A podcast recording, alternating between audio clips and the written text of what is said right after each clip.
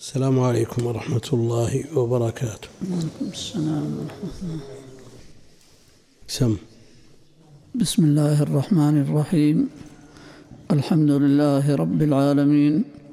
وصلى الله وسلم على نبينا محمد وعلى آله وصحبه والتابعين لهم بإحسان إلى يوم الدين. قال الشيخ محمد الأمين الشنقيطي رحمه الله تعالى قوله تعالى وإذا تليت عليهم آياته زادتهم إيمانا. الآية في هذه الآية الكريمة التصريح بزيادة الإيمان. وقد صرح تعالى بذلك في مواضع أخر كقوله وإذا ما أنزلت سورة فمنهم من يقول فمنهم من يقول أيكم زادته هذه إيمانا؟ فأما الذين آمنوا فزادتهم إيمانا فزادتهم إيمانا وهم يستبشرون. وقوله هو الذي أنزل السكينة في قلوب المؤمنين ليزدادوا إيمانا مع إيمانهم. الآية وقوله ليستيقن الذين أوتوا الكتاب ويزداد الذين آمنوا إيمانا. الآية وقوله والذين اهتدوا زادهم هدى. الآية وتدل هذه الآيات بدلالة الالتزام على أنه ينقص أيضا لأن كل ما يزيد ينقص. وجاء مصرحا به في أحاديث الشفاعة الصحيحة كقوله يخرج من النار من قال لا إله إلا الله وفي قلبه مثقال حبة من إيمان ونحو ذلك. الحمد لله رب العالمين صلى الله وسلم وبارك على عبده ورسوله نبينا محمد وعلى آله وصحبه أجمعين. هذه المسألة وهي زيادة الإيمان ونقصانه زيادته بالطاعات ونقصانه بالمعاصي. هذه من المسائل المقررة المتفق عليها بين من يعتد بقوله من أهل السنة وأنه يزيد وينقص يزيد بالطاعات وينقص بالمعاصي. واستدلال المؤلف رحمه الله تعالى على أن ما قبل الزيادة قبل النقص هذا معروف متداول بين أهل العلم. الزيادة فيها الآيات الصريحة استوعبها شيخ الإسلام رحمه الله في العقيدة الواسطية والنقصان استدلوا له بدلالة الالتزام على أن ما كان يقبل النقصان يعني الزيادة فإنه يقبل النقص وجاءوا بأحاديث الشفاعة التي أورد منها المؤلف ما أورد. مما يدل على أن الإنسان على أن الإيمان ينقص في قلب المؤمن ويتضاءل حتى يصير مثل الحبة. وقد جاء بذلك الحديث الصحيح. عامة أهل السنة والجماعة على أنه يزيد وينقص. ونسب للإمام مالك أنه يزيد ولا ينقص. هذا معروف عندكم؟ ها؟ شو؟ الله أعلم هو نسب للإمام مالك. ها؟ شو؟ نفي لفظ النقص لكن يرى المقصود أنه يقول لا ينقص. على كل حال المسألة محسومة ومعروفة ومقطوع بها ومجزوم بها عند أهل العلم من أهل السنة والجماعة. يقابلهم من يقول لا يزيد ولا ينقص. كالمرجئة يقول لا يزيد ولا ينقص. ولذلك إيمان أفسق الناس كإيمان جبريل. واحد الإيمان في قلبه لا يزيد ولا ينقص. والآيات المصرحة بالزيادة رد عليهم. الآيات المصرحة شيخ الإسلام وضح المسألة وجلاها وأورد الأدلة لها من وأقوال أهل العلم ممن يقول بذلك وهم عامة من يعتد بقوله من أهل السنة والجماعة.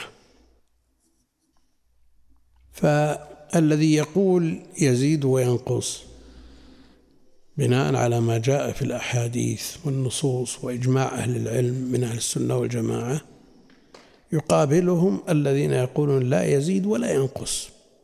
اصنع ما شئت من الفجور والمعاصي والمنكرات وإيمانك كإيمان جبريل. هذا قول باطل. باطل بالعقل قبل النقل. لا يمكن أن ترى شخصا في هيئته ودله وسمته وطريقته وحياته ممن يزاول المعاصي ويقارب أو يداني من عمله كله الطاعات. العبادات لها أثر على الشخص على قلبه على عبادته على سلوكه كما أن المعاصي كذلك. فالقول بأن بأن الإيمان لا أثر له في السلوك أو في العبادات أو لا أثر لها فيه هذا قول باطل.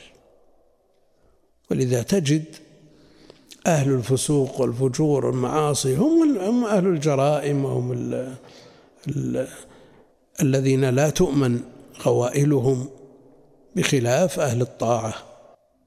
فهذا يخالف يخالف الحس. هؤلاء الذين يقولون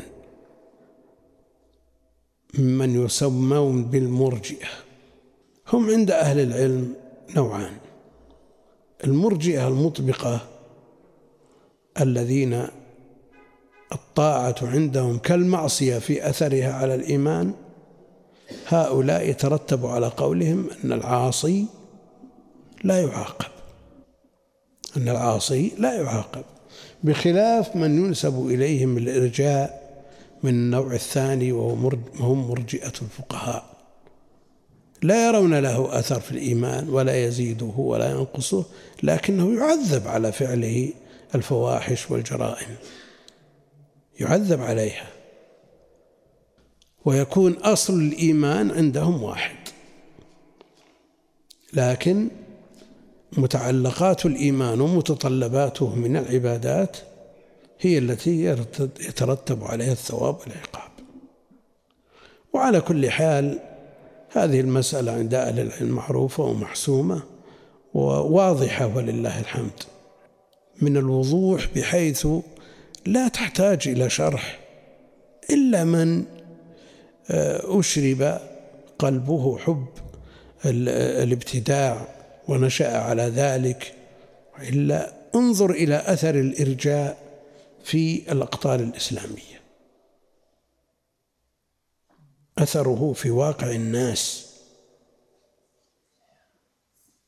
له أثر ولا ما له أثر؟ حين صار بي بي يفعل ما يشاء من العاصي وقال ما عليك شيء؟ ما الذي يردعه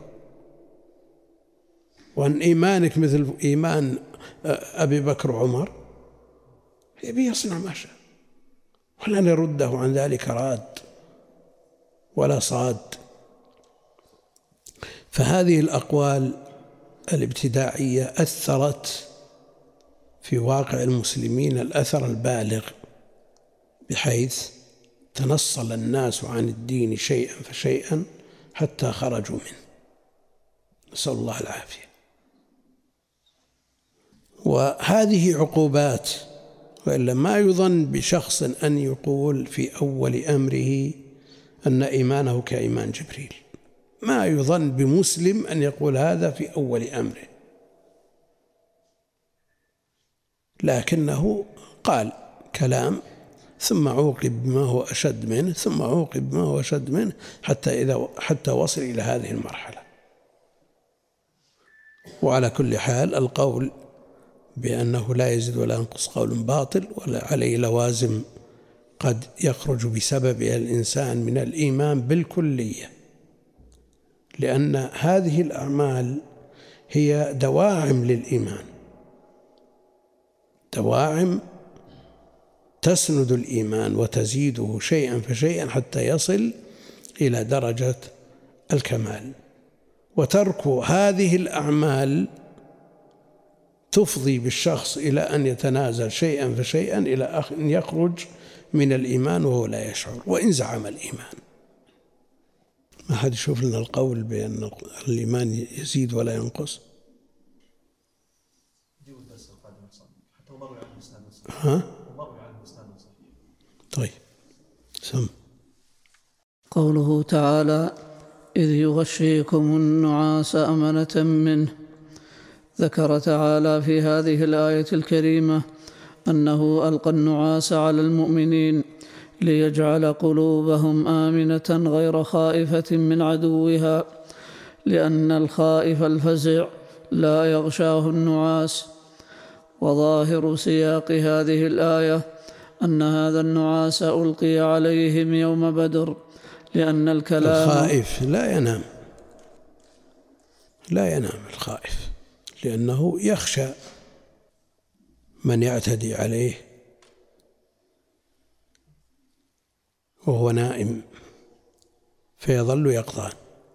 وتمر عليه الليالي ما ذاق طعم النوم ولذا قالوا أخوف من صافرة. وش الصافرة؟ أخوف من صافرة. أخوف من صافرة. ها؟ اللي تصفر ما تنام أبد. تصفر تخاف يجي أحد يأكله.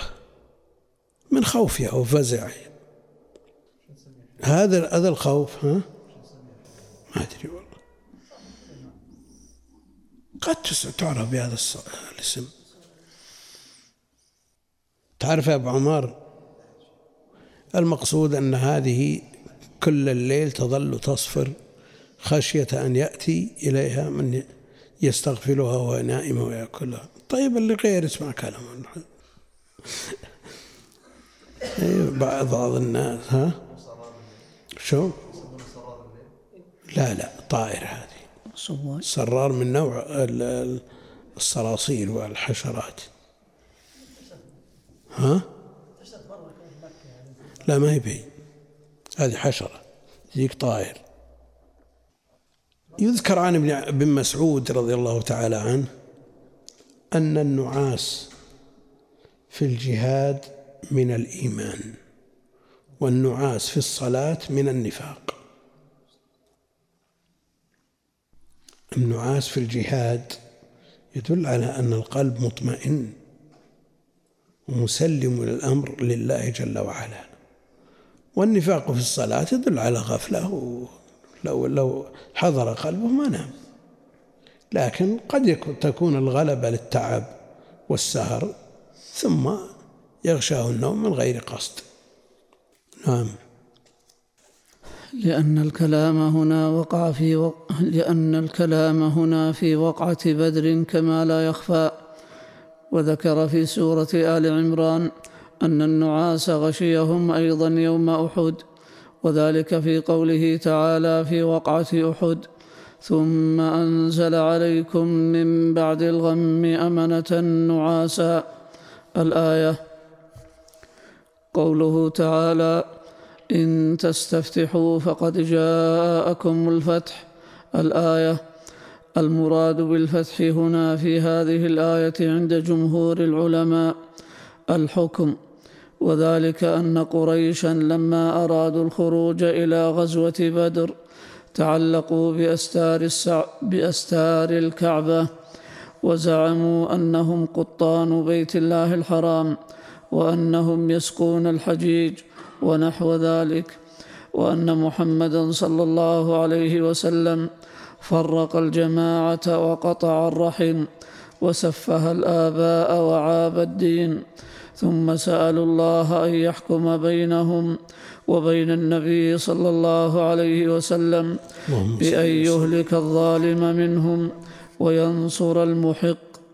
فحكم الله بذلك وأهلكهم ونصره وأنزل الآية. ويدل على أن المراد بالفتح هنا الحكم أنه تعالى أتبعه بما يدل على أن الخطاب لكفار مكة وهو قوله وإن تنتهوا فهو خير لكم وإن تعودوا نعد ويبين ذلك إطلاق الفتح بمعنى الحكم في القرآن في قوله عن شعيب وقومه على الله توكلنا ربنا افتح بيننا وبين قومنا بالحق وأنت خير الفاتحين أي احكم بيننا وبين قومنا بالحق وأنت خير الحاكمين. ويدل لذلك قوله تعالى عن شعيب في نفس القصة وإن كان طائفة منكم آمنوا آمنوا بالذي أرسلت به وطائفة لم يؤمنوا فاصبروا فاصبروا حتى يحكم الله بيننا وهو خير الحاكمين. وهذه لغة حمير لأنهم يسمون القاضي فتاحا والحكومة فتاحة ومنه قول الشاعر ألا أبلغ بني عمر رسولا بأني عن فتاحتكم غني؟ أي عن حكومتكم وقضائكم. أما ما ذكره بعض أهل العلم من أن الخطاب في قوله إن تستفتحوا للمؤمنين أي تطلب الفتح والنصر من الله وأن الخطاب في قوله بعده وإن تنتهوا فهو خير لكم للكافرين فهو غير ظاهر كما ترى. قوله تعالى واعلموا أنما أموالكم وأولادكم فتنة وأن الله عنده أجر عظيم. أمر تعالى الناس في هذه الآية الكريمة أن يعلموا أن أموالهم وأولادهم فتنة يختبرون بها. هل يكون المال والولد سببا للوقوع فيما فيما لا يرضي الله؟ وزاد في موضع آخر أن الأزواج فتنة أيضا كالمال والولد. فأمر الإنسان بالحذر منهم أن يوقعوه فيما لا يرضي الله. ثم أمره إن اطلع جاء, جاء في الحديث الصحيح أن الفتنة في المال والولد تكفرها الصلاة والصيام. تكفرها الصلاة والصيام. فهذه الفتنة بمعنى أنها قد تحمل الإنسان على أن يرتكب مخالفة أمر الله أو ارتكاب نهيه جل وعلا فيكون فيه حرف وصرف عن مراد الله جل وعلا وهذا معنى الافتتان.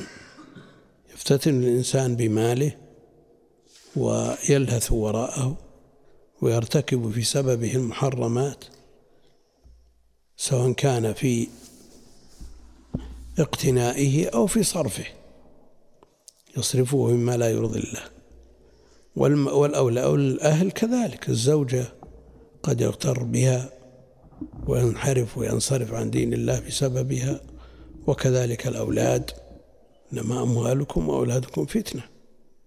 عمران بن حطان كان من المعروفين بالاستقامة والدين على مذهب أهل السنة والجماعة. فخطب امرأة عرفت بجمالها قالت هي من الخوارج من الخوارج. قالوا له هذه امرأة خارجية. كما يقال لمن يخطب امرأة ليست بذات دين يقال له وهي تعجبه في جمالها يقال له النبي عليه الصلاة والسلام يقول فاظفر بذات الدين. جاء الرد من كثير من الشباب أن الدين يأتي بالدعوة. لكن الجمال وش اللي يجيبه؟ ها؟ الدين بالدعوة بالرفق باللين ثم وش الأثر؟ مثل عمران بن حطان صار هو خارجي. صار من رؤوس الخوارج. وهو الذي مدح قاتل علي عبد الرحمن بن ملجم. افتتن بهذه المرأة فتبعها. يقال للخاطب وصية الرسول عليه الصلاة والسلام اظفر بذات الدين تسعد في دنياك وأخراك. وكثير من البيوت كثر فيها المخالفات وأنواع الفسق بسبب الأم. تبرر لأولادها وتدافع زوجها عنهم وهكذا إلى أن حصل ما حصل. ولو كانت من أهل الدين ما حصل هذا. نعم قد تأتي قد تهدى المرأة في مقابل أن تهديه لطريقها وسننها أن يهديها إلى الرشاد لكن هذه مخاطرة. مخاطرة. إذا ظفر بذات الدين وعامل بوصية النبي عليه الصلاة والسلام فإنه يوفق. ويعان على صلاح نفسه وذريته وحفظ بيته وحفظ أهله إذا حرص على ذات الدين. والله المستعان. كم من شخص افتتن بسبب المرأة؟ كثير جدا. أنا أذكر قبل ثلاثين سنة كنا نقرأ عند واحد من المشايخ توفي رحمه الله وكان معنا واحد يقرأ في الدراسات العليا تخرج كلية الشريعة في الدراسات العليا ولحيته من أجمل ما رأيت من اللحى. فوجئنا في يوم من الأيام لأنها بالموس. إذا رأيت هذا المنظر من شخص رأيته قريبا أمس بلحية كثة ومظهر شرعي متبع ثم بعد ذلك فجأة يعني اللي يخفف شيئا فشيئا يذوب مع الوقت لكن هذا فجأة في يوم واحد. فلما نوقش قالت الزوجة أنا هي أنا يا اللحية ولا قدرت أفارقة. أنا بطلب العلم وأستقيم على طاعة الله وصلي وسمي لكن الشكر الله هذا أمر لا أطيقه. يا ناس نسأل الله العافية نسأل الله الثبات. وهذا بسبب المخالفة الشرعية. اظفر بذات الدين راح يدور أي واحدة. قد لا يكون في أهلها في عرضها في آه، شيء إلا أنها تتساهل. تساهل في في أمر الدين والعبادة والصلاة وتلاوة القرآن والأذكار وكذا فتنتهي شيئا فشيئا. والله المستعان. نعم.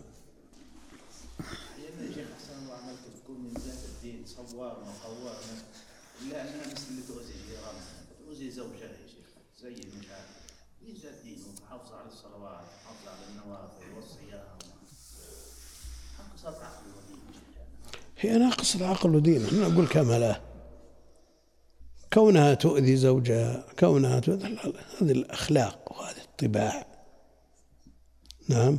والشرع جاء الحث على ذات الخلق وعلى ذي الخلق أيضا. يتفاوتون الناس في طباعهم وما جبلوا عليه. فعلى الإنسان يحرص على ما يستطيع تحقيقه والذي لا يستطيعه. يسأل الله أن يكمله نعم. وزاد في موضع آخر أن الأزواج فتنة أيضا كالمال والولد. فأمر الإنسان بالحذر منهم أن يوقعوه فيما لا يرضي الله ثم أمره إن اطلع على ما يكره من أولئك الأعداء الذين هم أقرب الناس له وأخصهم به وهم الأولاد والأزواج أن يعفو عنهم ويصفح ولا يؤاخذهم فيحذر منهم أولا ويصفح عنهم إن وقع منهم بعض الشيء وذلك في قوله في التغابن يا أيها الذين آمنوا إن من أزواجكم وأولادكم عدوا لكم فاحذروهم وإن تعفوا وتصفحوا وتغفروا فإن الله غفور رحيم. إنما أموالكم وأولادكم فتنة والله عنده أجر عظيم. وصرح في موضع آخر بنهي المؤمنين عن أن تلهيهم الأموال والأولاد عن ذكره جل وعلا وأن من وقع في ذلك فهو الخاسر المغبون في حظوظه وهو قوله تعالى يا أيها الذين آمنوا لا تلهكم أموالكم ولا أولادكم لا تلهكم أموالكم ولا أولادكم عن ذكر الله ومن يفعل ذلك فأولئك هم الخاسرون. والمراد بالفتنة في الآيات الاختبار والابتلاء وهو أحد معاني الفتنة في القرآن. قوله تعالى يا أيها الذين آمنوا إن تتقوا الله يجعل لكم فرقانا. يجعل لكم فرقانا ويكفر عنكم سيئاتكم ويغفر لكم. والله ذو الفضل العظيم. قال ابن عباس والسدي ومجاهد وعكرمة والضحاك وقتادة ومقاتل بن حيان وغير واحد فرقانا مخرجا. زاد مجاهد في الدنيا والآخرة. وفي رواية عن ابن عباس فرقانا نجاه وفي رواية عنه نصرا. وقال محمد بن إسحاق فرقانا أي فصلا بين الحق والباطل. قاله ابن كثير قال مقيده عفى الله عنه قول الجماعة المذكورة إن المراد بالفرقان المخرج يشهد له قوله تعالى ومن يتق الله يجعل له مخرجا. الآية والقول بأنه النجاة أو النصر راجع في المعنى إلى هذا. لأن فرد من أفراده. فالتقوى جماع كل خير. جماع كل خير. وهي وصية الله جل وعلا للأولين والآخرين. من أراد الدنيا من يتق الله يجعل له مخرج في جميع أمور دنياه. إذا احتاج إلى أمر من أمور الدنيا واتقى الله جل وعلا وصل بإذن الله. إلا إن ادخر له أعظم منه. إن أراد العلم اتقوا الله ويعلمكم الله. إن أراد الآخرة فلا وسيلة ولا وصول إلى الآخرة إلا عن طريق التقوى. فالإنسان خلق ليعبد الله جل وعلا والعبادة من أجل التقوى لعلكم تتقون. وهكذا فهي جماع كل خير وكل قول ينطلق من هذا القول العام الشامل فهو فرد من أفراده كالنصر والنجاة.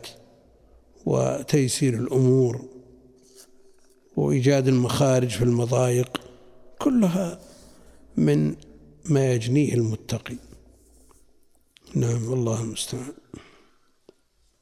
لأن من جعل الله له مخرجا أنجاه ونصره لكن الذي يدل لكن الذي يدل القرآن واللغة على صحته في تفسير الآية المذكورة.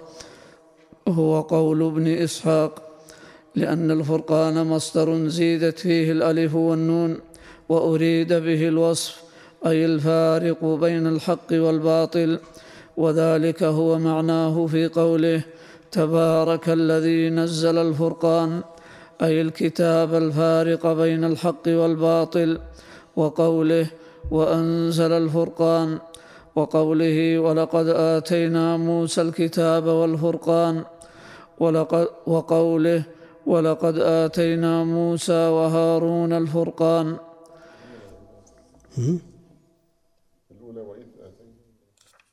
وإذ آتينا. موسى الكتاب والفرقان. ولقد. التي تليها ولقد أتينا موسى وهارون التي بعدها. وقوله وإذ آتينا موسى الفرقان وإذ آتينا موسى الكتاب والفرقان.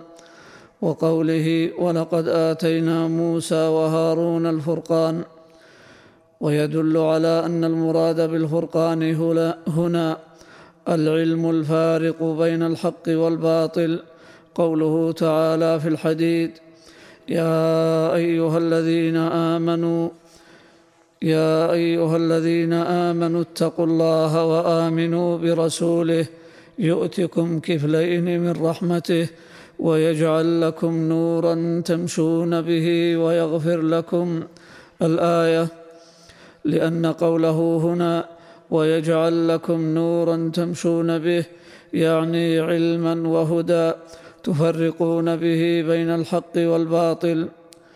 ويدل على أن المراد بالنور هنا الهدى ومعرفة الحق. قوله تعالى في من كان كافرا فهداه الله أو من كان ميتا فأحييناه وجعلنا له نورا يمشي به في الناس. الآية فجعل النور المذكور في الحديد هو معنى الفرقان المذكور في الأنفال كما ترى. وتكفير السيئات والغفران المرتب على تقوى الله في آية الأنفال. كذلك جاء مرتبا أيضا عليها. في آية الحديث وهو بيان واضح كما ترى. قوله تعالى قالوا قد سمعنا لو نشاء لقلنا مثل هذا. هذا الاختلاف الذي ذكره المؤلف رحمه الله بين بن إسحاق ومن قبله من أهل العلم. هل هو اختلاف تضاد أو يمكن دخول قول ابن إسحاق في قولهم؟ ها؟ يمكن دخوله. ها؟ يعني زي ابن اسحاق يكون هو المطابق ويكون الباقي لازم لهذا الحكم لا يعني عموم قولهم. يدخل فيه قول ابن مثلا زي النصر هو لازم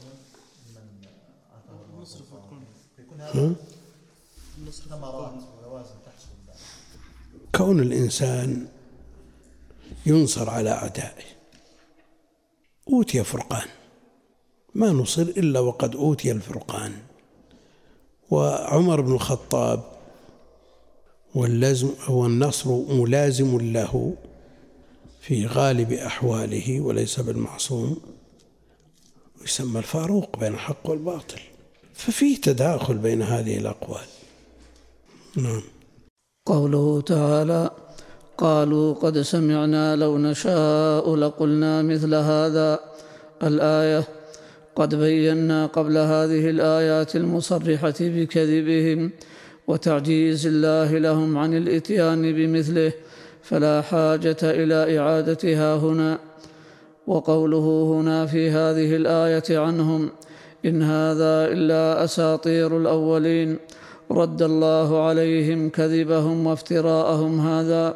في آيات كثيرة كقوله تعالى وقالوا أساطير الأولين اكتتبها فهي تملى عليه بكرة وأصيلا. قل أنزله الذي يعلم السر في السماوات والأرض إنه كان غفورا رحيما. وما أنزله عالم السر في السماوات والأرض فهو بعيد جدا. من أن يكون أساطير الأولين. وكقوله ولقد نعلم أنهم يقولون إنما يعلمه بشر لسان الذي يلحدون إليه أعجمي وهذا لسان عربي مبين. إلى غير ذلك من الآيات. قوله تعالى وإذ قالوا اللهم إن كان هذا هو الحق من عندك فأمطر. فأمطر علينا حجارة من السماء أو ائتنا بعذاب أليم. ذكر هنا في هذه الآية الكريمة ما يدل على أن كفار مكة في غاية الجهل حيث قالوا فأمطر علينا الآية ولم يقولوا فاهدنا إليه. وجاء في آيات أخر ما يدل على ذلك أيضا كقوله لما أتوا بهذا التردد ما اختاروا الأمثل والأنفع والأصلح لهم. اختاروا ضده. نسأل الله العافية. نعم.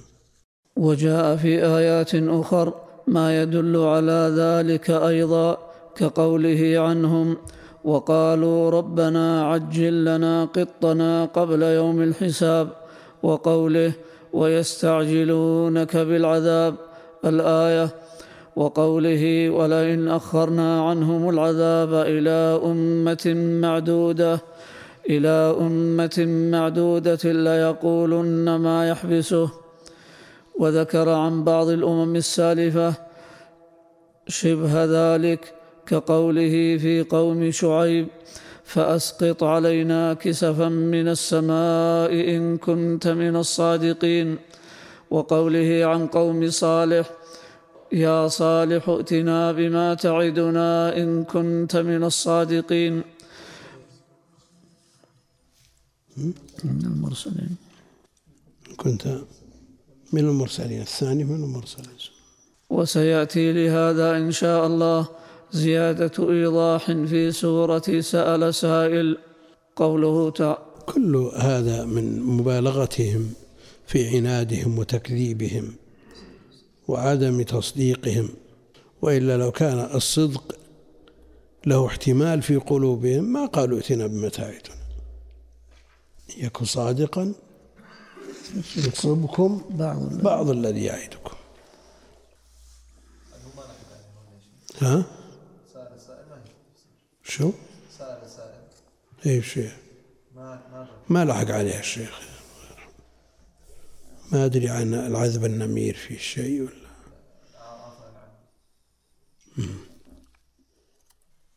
نعم.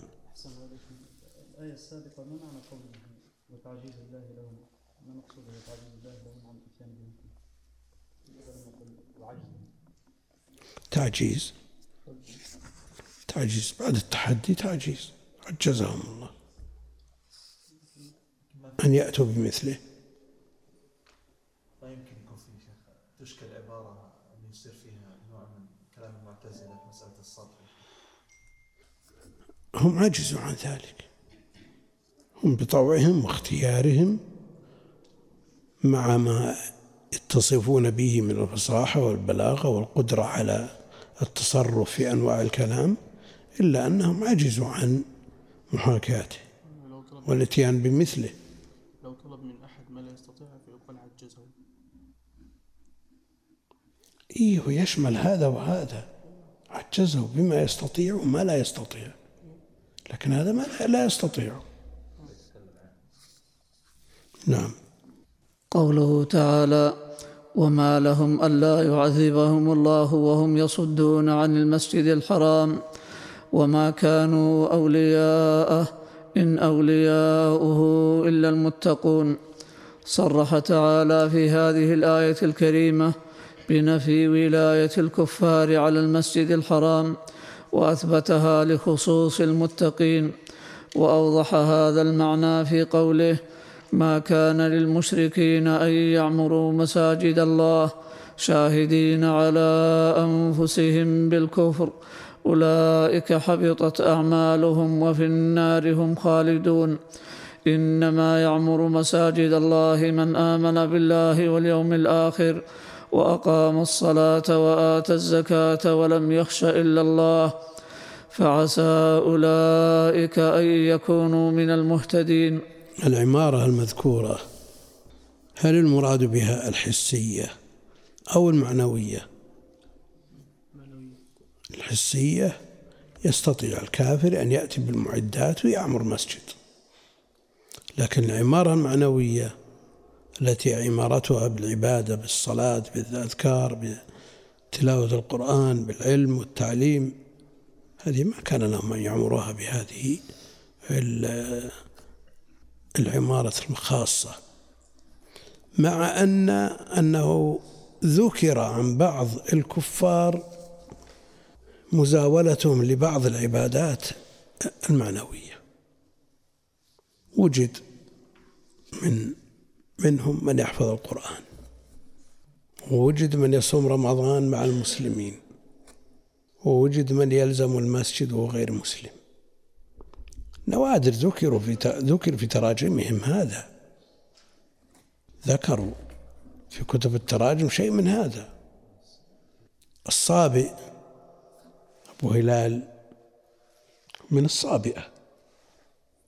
وذكر ابن خلكان في ترجمته أنه كان يصوم رمضان كان يحفظ القرآن. والخليفة الخليفة قد اتخذه كاتبا واصطفاه للكتابة. ومع ذلك حرص على إسلامه وعجز وبلغ من من من الكبر عتية ولم يتزوج. واكتفى بعبد أسود كبير السن قبيح المنظر ويتمنى أن يكون شامة في خده. الله لا يبلانا ها؟ نسأل الله العافية. نسأل الله العافية. الشاهد أنه ليس بمسلم ويصوم مع المسلمين ويقرأ لكن هؤلاء نوادر. المسلمون يشق عليهم كثير من هذه الأمور. فكيف بمن لا يرجو ثواب الله؟ نسأل الله العافية. نعم. الله يحسن دكتور الغسل في الشريعه ولا راس قسم فتره كان الله يذكره كان يقول الشيخ يذكر عن لبناني نصراني يقول انه كان يحفظ القران لأنه معتني باللغة العربيه جدا فيراه نصا بليغا اللي له هدف شيء. لكن الإشكال اللي ما له هدف بس مع الناس.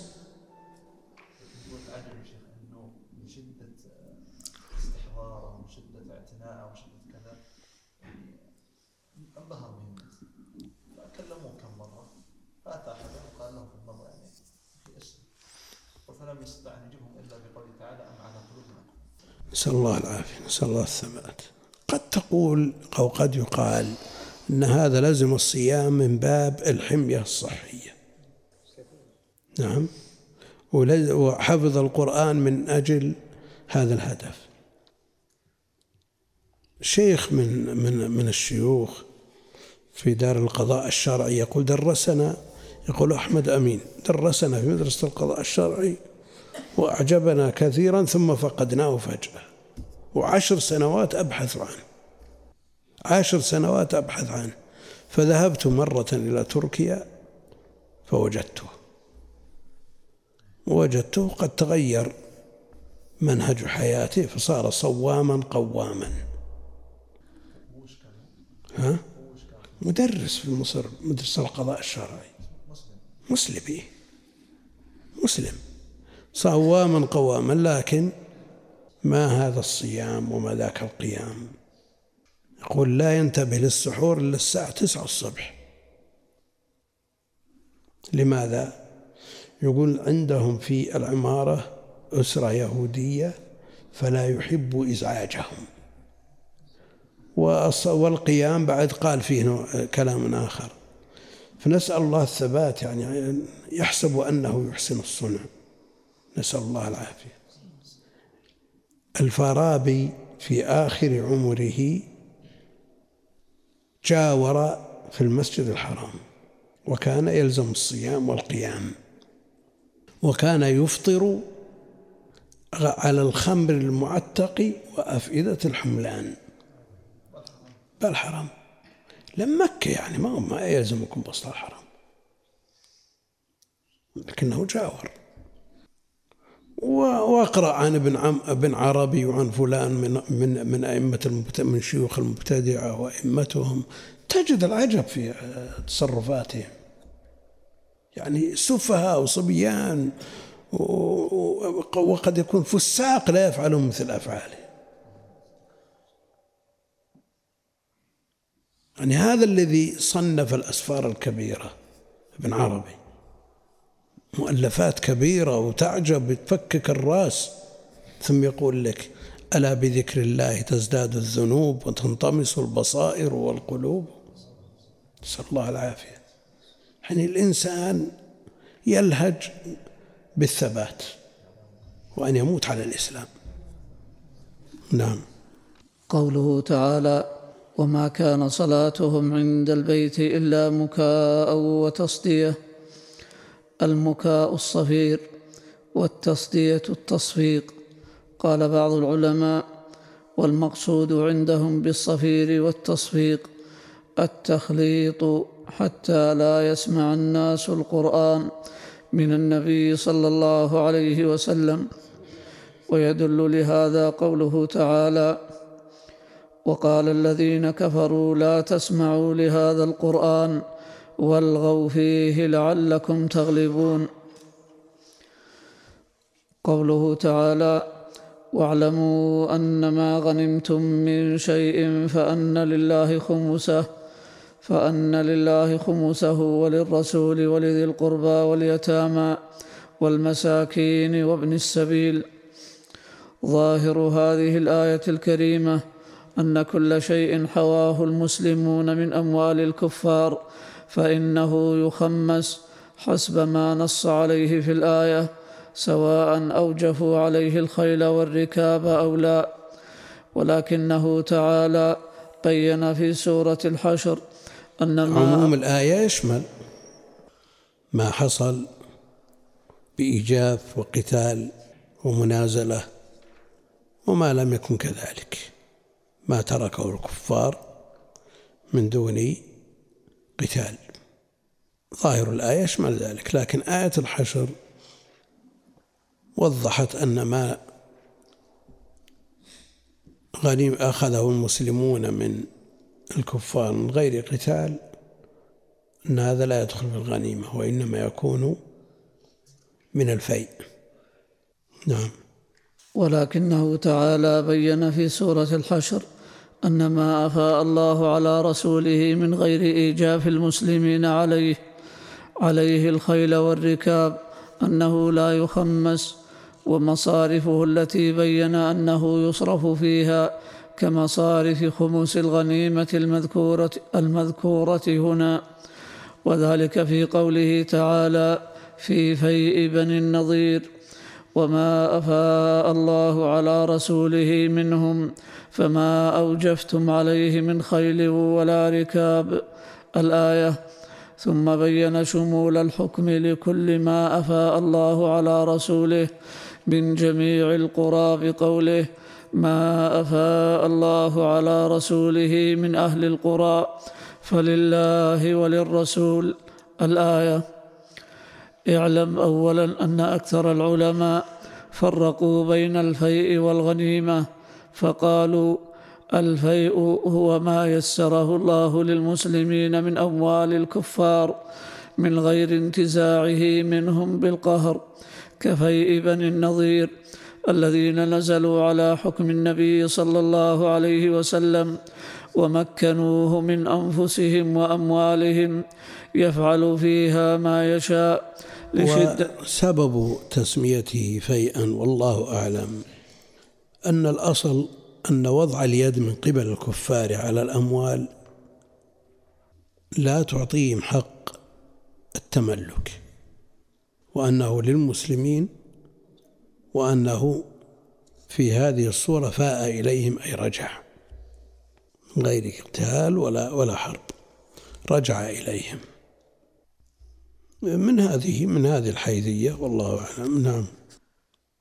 الذين نزلوا على حكم النبي صلى الله عليه وسلم ومكنوه من أنفسهم وأموالهم يفعل فيها ما يشاء لشد لشدة الرعب الذي ألقاه الله في قلوبهم ورضي لهم صلى الله عليه وسلم أن يرتحلوا بما يحملون على الإبل غير السلاح غير السلاح.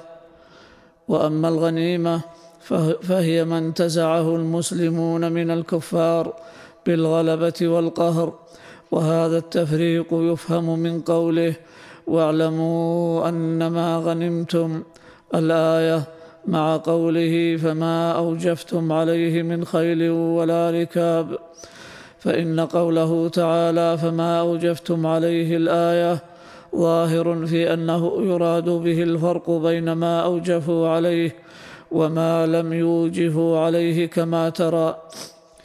والفرق المذكور بين الغنيمة والفيء عقده الشيخ أحمد البدوي البدوي الشنقيطي في نظمه للمغازي بقوله في غزوة بني النضير وفيئهم والفيء في الأنفال ما لم يكن أخذ عن قتال أما الغنيمة فعن زحاف والأخذ عنوة لدى الزحاف لخير مرسل إلى آخر. لخير مرسل.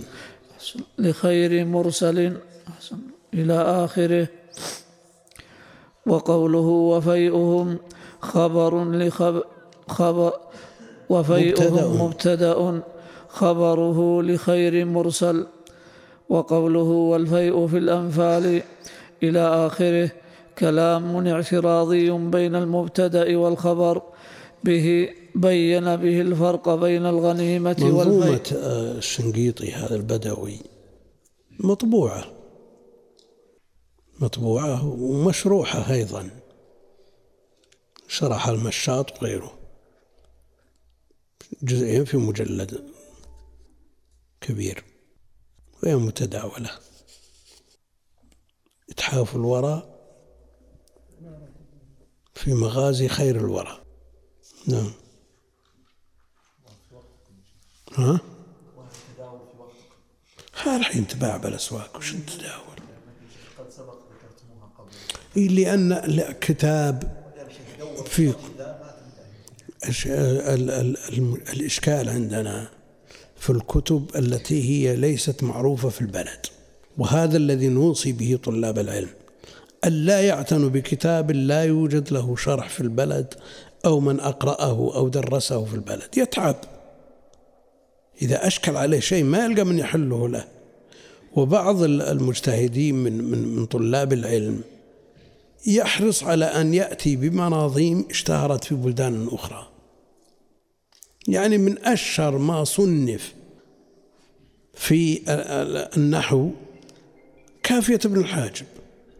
وباعتبار أنها لم تدرس في بلادنا وعليها من الشروح العشرات بل الشيء الكثير من الشروح والحواشي وقل مثلها في الشافية وقل مثل ذلك في ال- الملحة للحريري لكن سبيلنا ومنهاجنا في التدريس يختلف.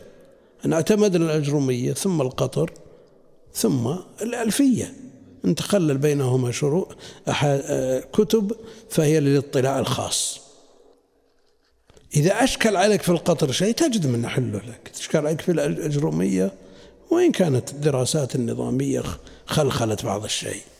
أشكل عليك في الألفية لا يستغلق منها شيء. لكن هذه الكتب مع أنها يعني ما هي بصعبة الكافية ليست بالصعبة ولا والملحة أسهل.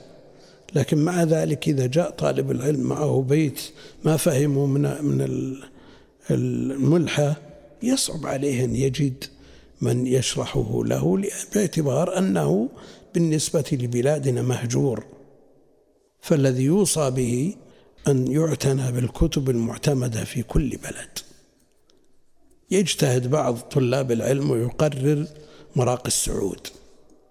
يقرر مراقي السعود يشرحه للطلاب أنت لو أشكل عليك شيء وش أنت بتحله؟ صعب تن- الأمور أن تنتقل من أمر واضح وبين وجادة مسلوكة. أي واحد من أهل العلم من شيوخك من زملائك يساعدك على حل هذه المعضلة. أما الكتب التي ليست مطروقة ولا مشروحة ولا معروفة في البلد فاعتمادها فيه نوع إغراب. إغراب. كم مر علينا من بيت في مراقي السعود؟ لو قرأنا في غيره من كتب أصول الفقه لا أدركناه. مع أن ال- الطالب العلم المتمكن قد لا يخفى عليه شيء ولا يعترض شيء لكن المسألة فيها أن تحتاج إلى إعادة نظر. شو؟ لا لا الكتبيين يجيبون كل شيء الحين اولهم الحين بعض الكتب يا شيخ ما ندري لا لا يجيبون كل شيء. كل شيء جابوه. تطلع الدراهم أنت. إيه. ها؟ سم. بين به الفرق بين الغنيمة والفيء وعلى هذا القول فلا إشكال في الآيات لأن آية واعلموا أن ما غنمتم ذكر فيها حكم الغنيمة وآية ما أفاء الله على رسوله ذكر فيها حكم الفيء. وأشير لوجه الفرق بين المسألتين بقوله فما أوجفتم عليه من خيل ولا ركاب. أي فكيف يكون غنيمة لكم وأنتم لم تتعبوا فيه ولم تنتزعوه بالقوة من مالكيه؟ وقال بعض العلماء إن الغنيمة والفيء واحد فجميع ما أخذ من الكفار على أي وجه كان غنيمة وفيء. وهذا قول قتادة رحمه الله وهو المعروف في اللغة فالعرب تطلق اسم الفيء على الغنيمة ومنه قول مهلهل بن ربيعة التغلبي فلا وأبي جليلة ما أفأنا من النعم المؤبل من بعير ولكنا نهكنا القوم ضربا على الأثباج منهم والنحور. يعني يعني أنهم اعتنوا اعتنوا بقتل الرجال. ما اهتموا بالغنائم. شو يقول عمرو بن كلثوم؟ فآبوا بالنهاب وبالسبايا وإبنا بالملوك مصفدين. نعم. يعني أنهم لم يشتغلوا بسوق الغنائم ولكن بقتل الرجال فقوله أفأنا يعني غنمنا. ويدل لهذا الوجه قوله تعالى وما ملكت يمينك مما أفاء الله عليك لأن ظاهر هذه الآية الكريمة شمول ذلك لجميع المسبيات ولو كن منتزعات قهرا ولكن الاصطلاح المشهور عند العلماء هو ما قدمنا من الفرق بينهما وتدل له آية الحشر المتقدمة وعلى قول قتادة فآية الحشر مشكلة مع آية الأنفال هذه ولأجل ذلك الإشكال قال قتادة رحمه الله تعالى إن آية واعلموا أنما غنمتم الآية ناسخة لآية وما أفاء الله على رسوله الآية. وهذا القول الذي ذهب إليه رحمه الله باطل بلا شك ولم يلجئ قتادة رحمه الله إلى هذا القول إلا دعواه اتحاد الفيء والغنيمة فلو فرق بينهما كما فعل غيره لعلم أن آية الأنفال في الغنيمة وآية الحشر في الفيء ولا إشكال. ووجه بطلان القول المذكور أن آية واعلموا أن ما غنمتم من شيء الآية نزلت بعد وقعة بدر قبل قسم غنيمة بدر. بحديث علي الثابت في صحيح مسلم الدال على أن غنائم بدر خمست وآية التخميس التي شرعه الله بها هي هذه. وأما آية الحشر فهي نازلة في غزوة بني النضير بإطباق العلماء.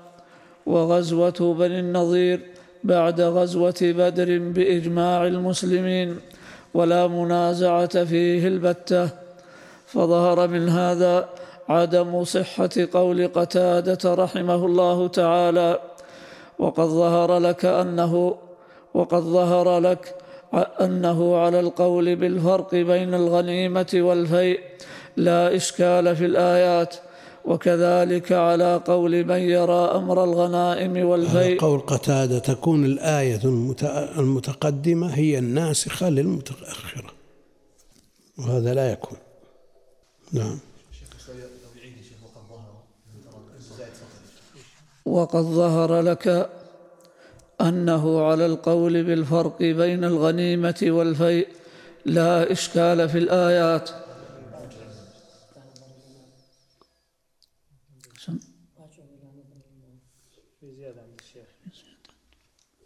وكذلك ظهر لك أنه على القول بالفرق بين الغنيمة والفيء لا إشكال في الآيات وكذلك على قول من يرى أمر الغنائم والفيء راجعا إلى نظر الإمام فلا منافاة على قوله. في سقط. اقرأ الشيخ. وقد ظهر لك أنه على القول بالفرق بين الغنيمة والفيء لا إشكال في الآيات وكذلك على قول من يرى أمر الغنائم والفيء راجعا وكذلك على قول من يرى من يرى أمر الغنائم والفيء راجعا إلى نظر الإمام. راجعون راجعا إلى نظر الإمام واللي جاي فلا منافاة على قوله بين آية الحشر وآية التخميس إذا رآه الإمام والله أعلم. اللهم صل وسلم على عبدك. شو؟ ما أسمع. يزيغ التدريج. التدريج مخالفة بعد مخالفة هذه تستحق عقوبة فيعاقب بأعظم منها إلى آخره. بشر المريسي إذا سجد يقول سبحان ربي الأسفل. نسأل الله العافية. جزاك الله خير. بارك الله فيك.